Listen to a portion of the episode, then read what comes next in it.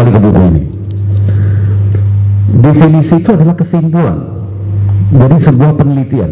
Jadi orang ini baca kitab beribu-ribu. Dan kemudian dari bacaan itu dia simpulkan. Luar biasa, gak gampang. Orang nulis disertasi yang tebal itu itu kesimpulannya satu aja. Tapi ini dia isinya banyak sekali yang namanya ta'rif, definisi-definisi nah namanya kitabnya namanya at-ta'rifat setiap orang yang meniti, mempelajari tafsir atau mungkin kajian keagamaan harus mempunyai kitabnya Ali Arjurjani itu Ustaz Gunawan ya namanya at-ta'rif ta'rifat Beliau mengatakan demikian. Kita nggak susah-susah ngambil kitab beliau. Yang artinya demikian. Ikhlas, yang namanya ikhlas itu adalah bila engkau tidak mencari orang yang menyaksikan amalmu selain Allah. Jadi kalau kita sholat, kita sedekah, kita melakukan apa pun, kita nggak pernah mau mencari orang menyaksikan amal kita. Ya. Masuk masjid, oh belum ada orang nanti kalau ada orang saya mau tahiyatul masjid itu nggak ikhlas sama ibu-ibu kadang-kadang ibu-ibu sholat tahajud. Kok tahajud malam itu enak? Luar biasa. Rasanya tenang. Terus kemudian besok paginya pas menyiapkan kopi kepada suaminya bilang mas tadi malam saya sholat tahajud. Rasanya tenang. Itu berarti kita menginginkan suami kita mengetahui sholat tahajud kita. Itu nggak ikhlas. Ya. atau mungkin maaf maaf kita melakukan ibadah umroh ibadah haji tawaf kok asik pada hari itu? Umroh dua waktu sa'i eh maka uh, haji dua waktu sa'i. Luar biasa. Umroh dua demikian.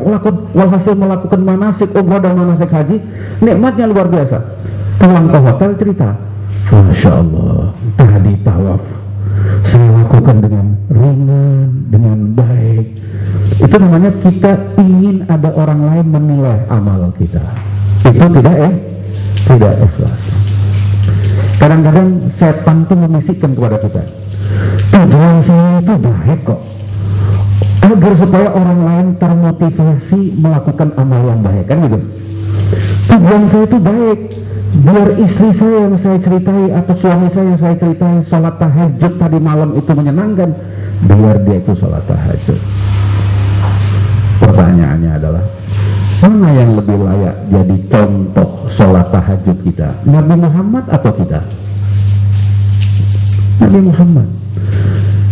Kalau seandainya mau contoh silakan. Contoh dengan diri kita. Orang lain. Ustadz kita, syekh kita, guru kita, monggo. Tapi jangan sekali-kali menceritakan tentang ibadah kita kepada orang lain. Itu sama aja namanya kesombongan spiritual namanya seakan-akan kita hebat gitu. Seorang nggak mungkin menceritakan sesuatu kecuali merasa dirinya ada kelebihan ya nggak? Nah iblis atau setan membisikkan ya buat contoh. Contoh untuk anak-anakmu. Contoh untuk istrimu. Yang layak menjadi contoh adalah Nabi Muhammad. Keluarga beliau sahabat-sahabat beliau mulia guru-guru yang hebat. Itu lebih baik jadi contoh jangan sekali-kali kita menceritakan ibadah kita kepada orang lain. Nah tapi kalau cerita tentang sudahlah bisnis sekarang ini yang paling bagus adalah jualan pisang. Nggak ada masalah. Agar supaya orang lain jadi juragan pisang seperti kita. Tapi kalau urusan hati jangan. Nah para para hadirin dan hadirat ikhlas adalah perbuatan hati. Dan terkait dengan masalah spiritual jangan sekali-kali amal perbuatan kita itu kita lakukan dengan harapan orang lain menilainya. Bagaimana kalau seandainya kita sholat kemudian di tengah-tengah masyarakat yang banyak? Ya nggak apa-apa. So, mereka melihat kita tanpa kita tuntut untuk melihatnya. Ya nggak? Yang nggak boleh itu kita mencarinya.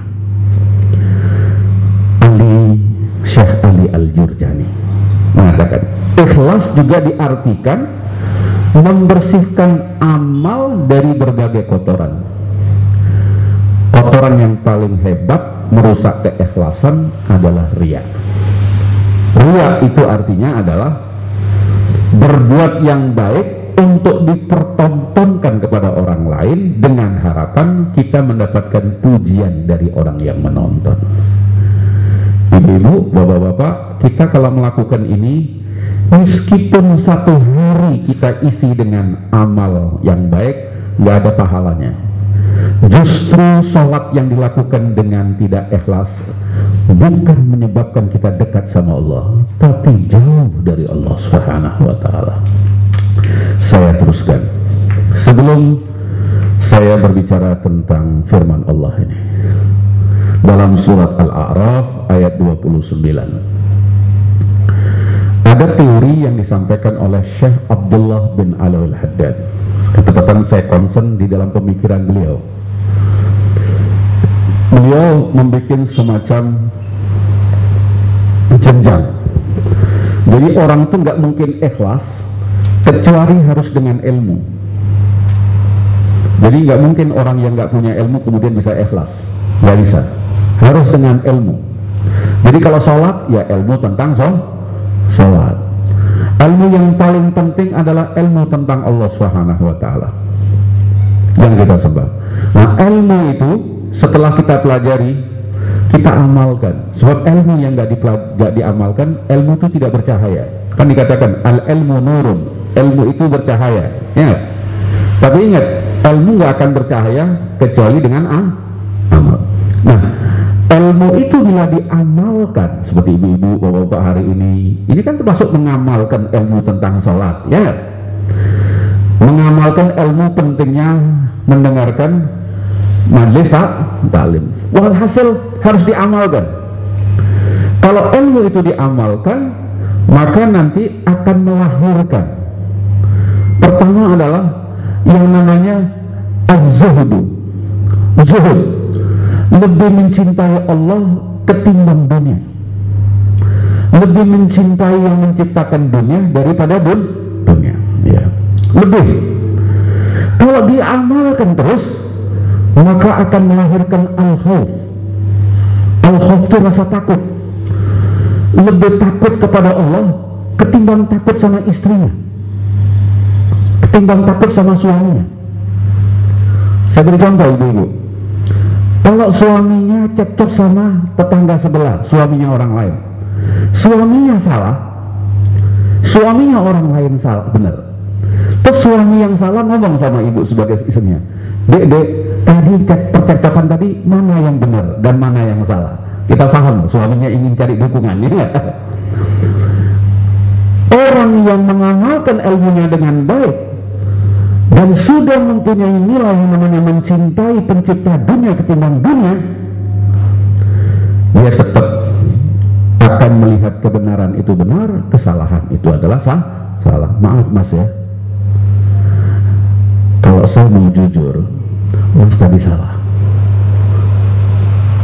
Ya ini sulit sekali. Ya enggak apalagi kalau seandainya maaf maaf yang ditanya suaminya mas mas tadi saya cekcok sama tetangga.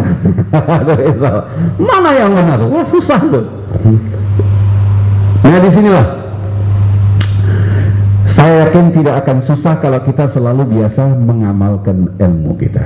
Insya Allah ya otomatis ngomongnya tidak terlalu kaku. Ngomonglah dengan cara yang bijak menyatakan yang benar itu benar yang batil itu adalah bang batil. Bapak-bapak ibu-ibu di waktu yang namanya nilai zuhud itu keluar dalam diri kita. Mencintai Allah melebihi dari dunia. Takut kepada Allah melebihi dari takut pada siapa pun. Itu nilai ikhlas sudah tumbuh. Nilai ikhlas itu tumbuh. Tumbuh dia. Menyertai itu semuanya. Nah, kalau ilmu diamalkan berkali-kali, zuhud mencintai Allah yang menciptakan dunia lebih besar daripada dunia, takut kepada Allah lebih besar ketimbang takut kepada selain Allah, itu biasanya akan sampailah kita pada puncak yang namanya keikhlasan. Makanya Habib Al-Haddad menciptakan yang namanya lima asas dalam tarekat alawiyah. Ilmu, amal, az-zuhdu, al-khawf, baru eh, ikhlas. Ternyata untuk menjadi orang yang ikhlas tidak semudah kita mengucapkan eh, ikhlas. Orangnya namanya mukhlis Ada nggak namanya mukhlis di sini? Ada.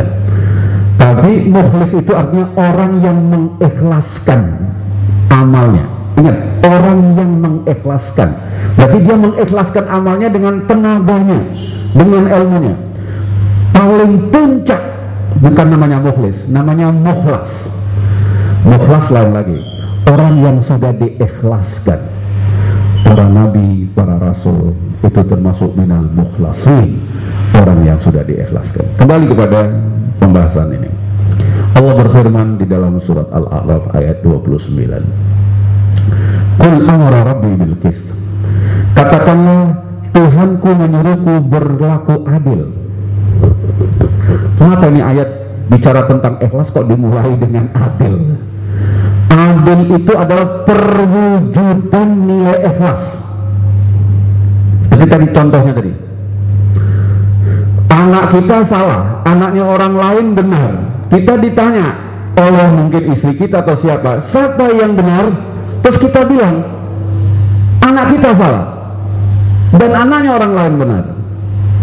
Sikap adil meskipun pada anak sendiri itu adalah perwujudan dari nilai ikhlas.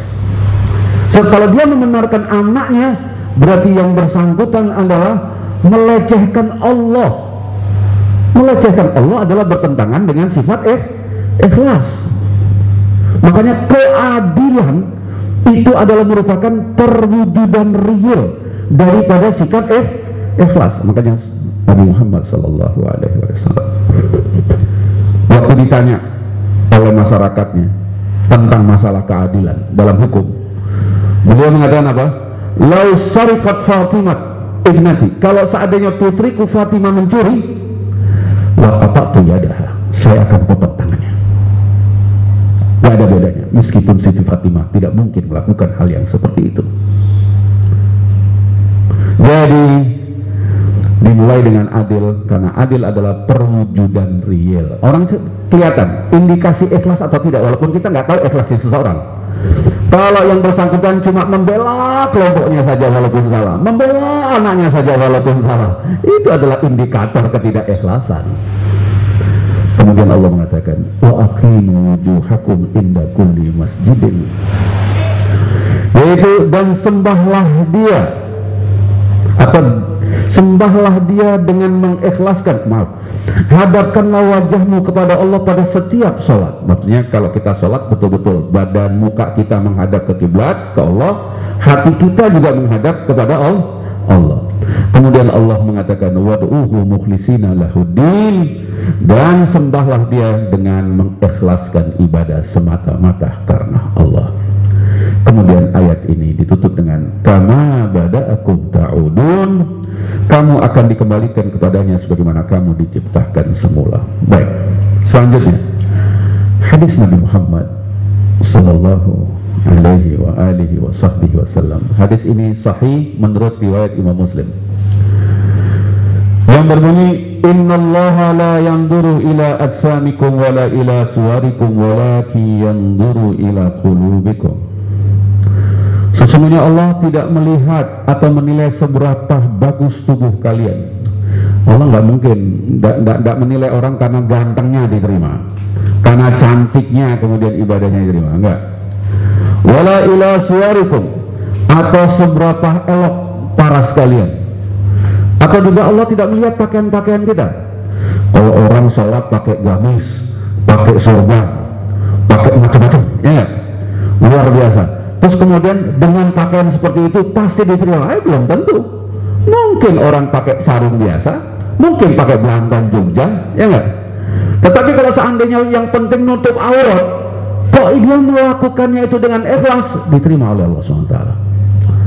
Ada kemungkinan, maaf, maaf, seorang imam yang bacaannya hebat, pakaiannya hebat, surbannya hebat, dia sholat, Mungkin yang bersangkutan tidak diterima kalau tidak ikhlas.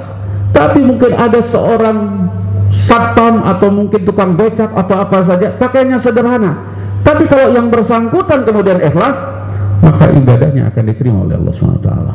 Makanya hadis ini dikatakan ditutup dengan kata-kata walaki yang duru ila kulubikum tetapi Allah akan melihat kepada hati-hati kalian ikhlas letaknya dalam hati. Yang dilihat sama Allah adalah hati kita. Para hadirin dan hadirat hadis ini menjelaskan pentingnya hati yang ikhlas dalam melakukan ibadah. Baik sekarang kita kembali kepada Imam Nawawi. Beliau dalam kitabnya Nasaihul Ibad sebagaimana yang saya kutip ini mengatakan ikhlas itu orang ikhlas itu bertingkat-tingkat. Sebelum saya baca saya beri contoh.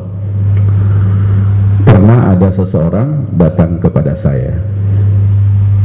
Ustadz saya punya usaha toko. Toko saya ini Alhamdulillah berkembang. Sekarang saya akan buka lagi lima. Apa yang harus saya lakukan? Saya tanya pada yang bersangkutan apa yang bapak sudah lakukan? Sebelum saya jawab. Ya.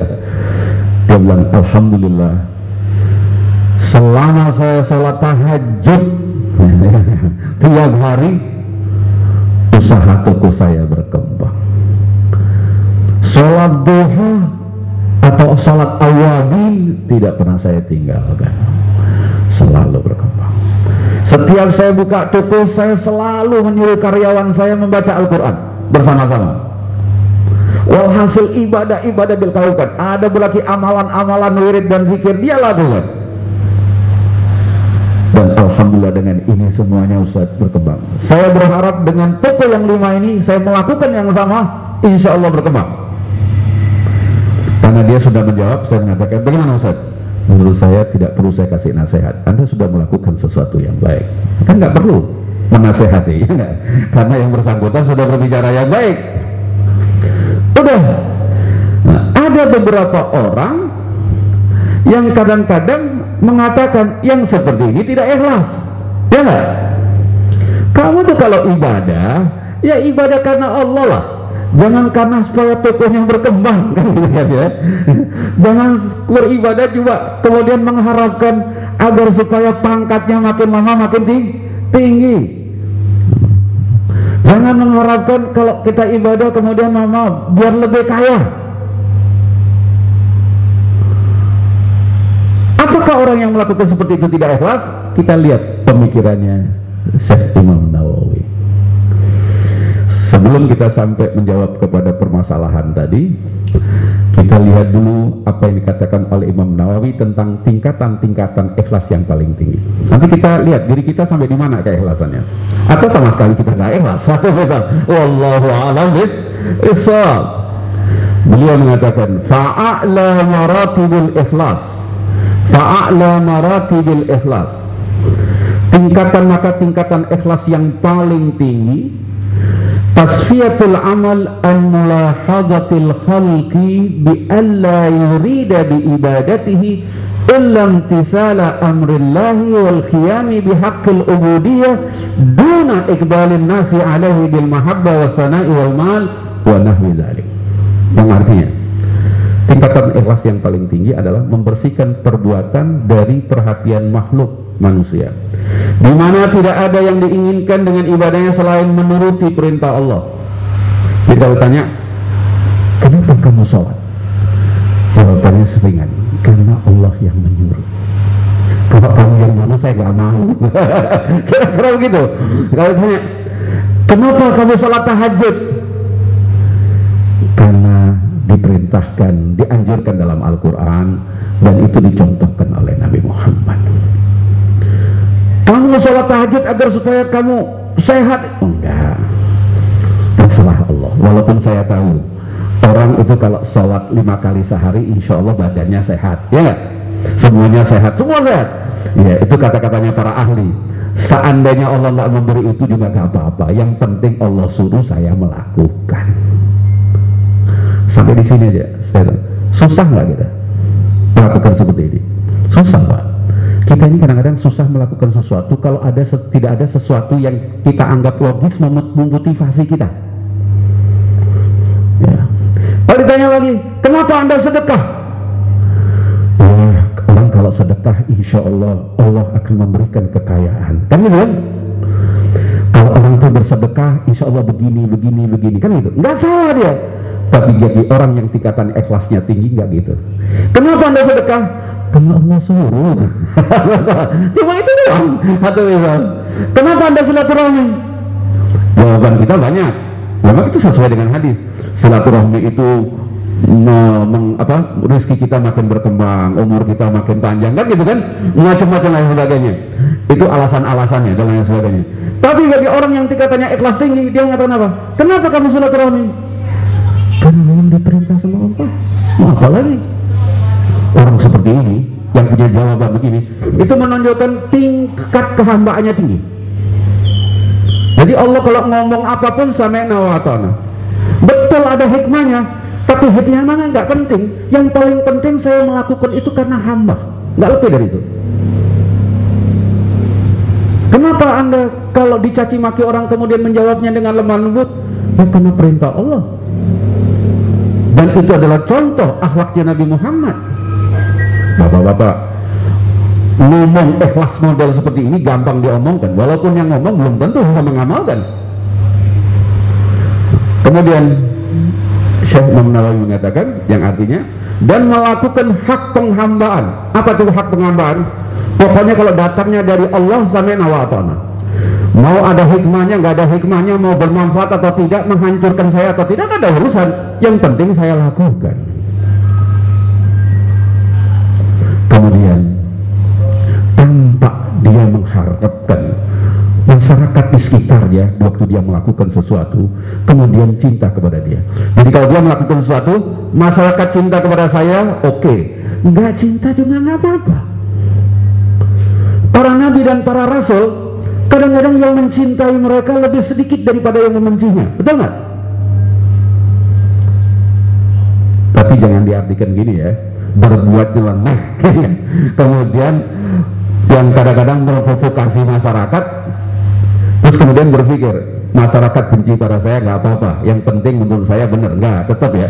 Orang yang tingkatan ikhlas seperti ini itu orang yang betul-betul mempelajari banyak kitab dan dia amalkan. Dengan bah, baik sikapnya dia itu betul-betul yang dilakukan itu kebaikannya disebut dengan ma'ruf.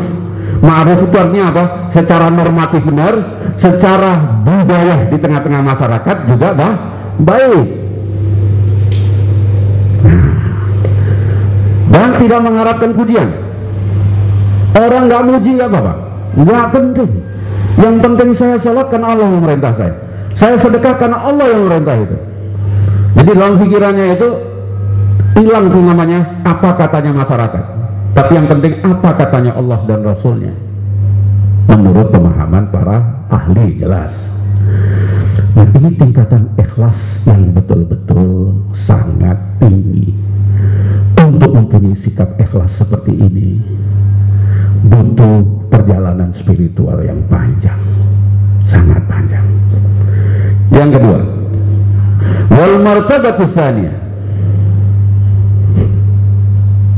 ya'mala lillah beramal karena Allah liyu'tiyahul hudud al-ukhrawiyah untuk mendapatkan apa? Bagian-bagian akhirat. Kalbiat anin nar seperti jauh dari siksa api neraka. Wa idhalihi al jannata wa tana'imihi bi anwa'i malaliha. Dan dijauhkan dari siksa api neraka dan dimasukkan ke dalam surga dan menikmati watan ini berbagai macam kelezatannya kita kalau sholat orang pada tingkatan ikhlas seperti ini Allahu Akbar Ya Allah, dengan salat saya saya mengharap masuk surga dan dijauhkan dari neraka. Wah, model gini aja ikhlasnya bukan tingkatan yang paling tinggi.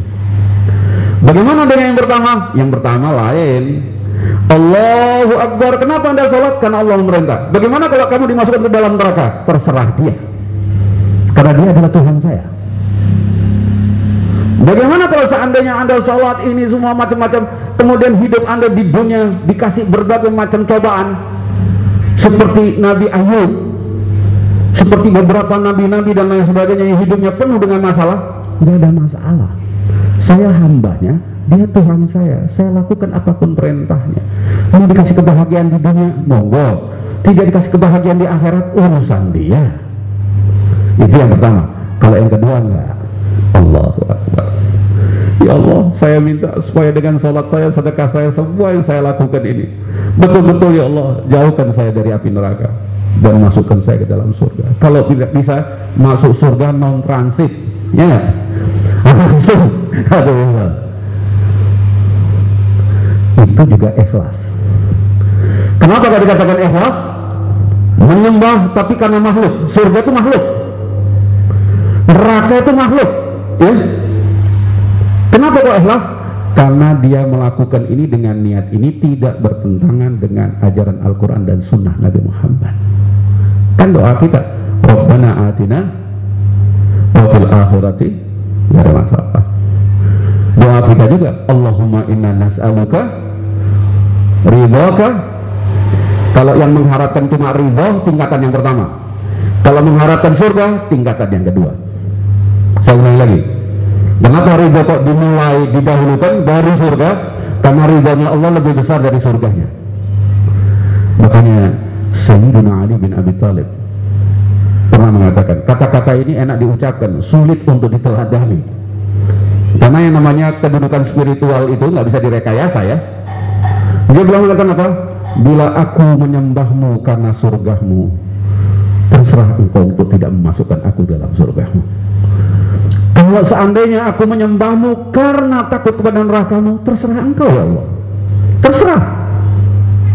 Mau itu bebas apa saja. Engkau memasukkan aku ke dalam neraka. Tapi aku menyembahmu. Jangan. Aku, akan dan aku menyembahmu. Karena aku berharap satu. Jangan sampai tidak engkau berikan kepada aku. Apa itu? Ridhomu. Cintamu untuk aku. Seorang kalau melihat dapat cinta Allah, walaupun di neraka apinya dingin buktinya apa? malaikat malik itu kerjaannya di neraka tapi nggak kepanasan karena mendapatkan ridho Allah Lalu ulangi lagi ini tingkatan ikhlas yang tinggi tingkatannya para nabi, para rasul mereka itu melakukan segala sesuatu benar-benar hanya sebagai hamba bukan yang lain nah ini yang kedua ibu-ibu bapak beribadah ingin masuk surga jauh dari neraka. Eh, semoga kita termasuk yang kedua ini. Sekarang yang ketiga. Al-martabatu salisa. Ayyamana lillah. Beramal karena Allah liyu'tiyahu agar Allah memberikan kepada dia. Apa itu? Haddan duniawiyan. Bagian duniawi. Katausiatir rezeki wa daf'il mu'diyat contohnya seperti kelapangan rezeki. Ya betul dicontoh tadi. Yang punya toko satu ingin buka toko lima. Nggak apa-apa buka toko lima undang orang baca doa bersama-sama. Ya kan itu kan? Iya hmm, walhasil berdoa walhasil luar biasa. Uh, itu termasuk bentuk keikhlasan. Kecuali kalau undang dukun ya, itu lagi. Ya, yang diundang bukan dukun tapi dekan. Dekan fakultas syariah. Diundang suruh doa suruh ide macam-macam. Eh enggak apa-apa enggak ada masalah. Itu ikhlas walaupun pada tingkatan yang paling rendah. Tapi rendah-rendahnya adalah rendah ikhlas. Karena apa? Dia melakukan amal-amal baik masuk kategori lillah. Karena mintanya kepada Allah. Nggak ada masalah. Walaupun ada unsur duniawiyahnya ada seorang ibu-ibu. Ini konsultasi ke saya. Dia bilang saya sholat kagak. Jarang-jarang kecuali kalau ada acara di kantor suami saya pas terawih. Karena suami saya punya kedudukan yang bagus. Baru saya pakai mukena yang bagus sejadah yang bagus biasa tuh. Semua yang bagus. Wah hasil Ustaz ini. Pas konsultasi dalam keadaan betul-betul punya masalah. Ternyata Ustaz suami saya tidak beres. Itu saya ketahui setelah 25 tahun nikah sama saya. Saya konsultasi ke mana-mana nggak dapat jawaban. Makanya saya sebagai seorang muslimah saya ingin kembali kepada ajaran agama. Bagaimana Ustaz cara yang paling bagus agar suami saya itu menjadi baik? Saya kira nggak ada cara yang lain. Kecuali ibu melakukan sholat lima kali sehari baca Al-Quran. Ibu melakukan sunnah-sunnah sesuai dengan kemampuan dengan harapan agar suami ibu jadi baik. Itu namanya eh ikhlas. Tapi ingat ikhlas pada tingkatan yang rendah. Nabi tetap nyembah Allah meskipun istrinya tidak baik. Betul gak? makanya sholatnya luar biasa. Pasti tahajudnya luar biasa. Kok istrinya nggak berubah? Itulah caranya Allah. Kalau sudah hambahnya itu tingkatannya tinggi kadang-kadang diuji dengan yang begini-begini itu menunjukkan tingkatan ikhlasnya Nabi Nuh tinggi sekali. Nah tetapi jangan khawatir Islam ini mempunyai tingkatan-tingkatan. Jadi kalau orang kemudian melakukan ibadah maaf, maaf biar warung kopinya makin laris. Nggak apa-apa juga. Ibadah luar biasa. Doa kepada Allah agar supaya dapat calon istri yang soleha. Kan gitu kan? Nggak ada masalah. Monggo kita nggak boleh mengatakan saudara-saudara kita yang seperti itu itu tidak eh ikhlas. Walaupun ada unsur duniawinya. Itu tingkatan ikhlas yang paling rendah. Insya Allah sesuai dengan perjalanan hidupnya dia meningkatkan kualitas ikhlasnya. Meningkat menjadi yang kedua pada satu saat mungkin akan sampai pada tingkatan ikhlas yang ketiga. Yang pertama inilah para hadirin dan hadirat yang bisa saya terangkan pada kesempatan ini tentang komit tentang ikhlas saya ulangi lagi biar tidak lupa jadi Syekh Ali Al-Jurjani mengatakan yang penting melatih diri kita itu berbuatlah baik jangan kemudian apa namanya mencari orang lain untuk menyaksikan amal kita. Tapi kalau seandainya ada yang menyaksikan, ya nggak apa-apa, gak usah sembunyi-sembunyi, ya nggak? Ada loh orang dibisiki oleh iblis, kemudian nggak pernah sholat jamaah di masjid. Kalau ditanya kenapa anak di masjid, saya khawatir dilihat orang banyak kan itu berbahaya ya itu. Enggak kalau seandainya memang disaksikan orang banyak di mana sholat berjamaah sholat disaksikan nggak apa-apa. Tetapi jangan begini. Dia sholat apalagi kalau sholatnya individual seperti tahajud. Kemudian yang bersangkutan woro-woro tadi orang Jawa. Pengumuman. Pagi-pagi ngomong sama istrinya pagi-pagi ngomong sama jangan kalau ingin memberikan motivasi kepada keluarga untuk sholat tahajud, jadikanlah Rasulullah sebagai contoh. Diri kita sekali-kali nggak pernah layak jadi contoh. Yang paling layak jadi contoh Nabi Muhammad. Jadi dan bersihkan amal kita dari kotoran. Kotoran yang maksud adalah riak.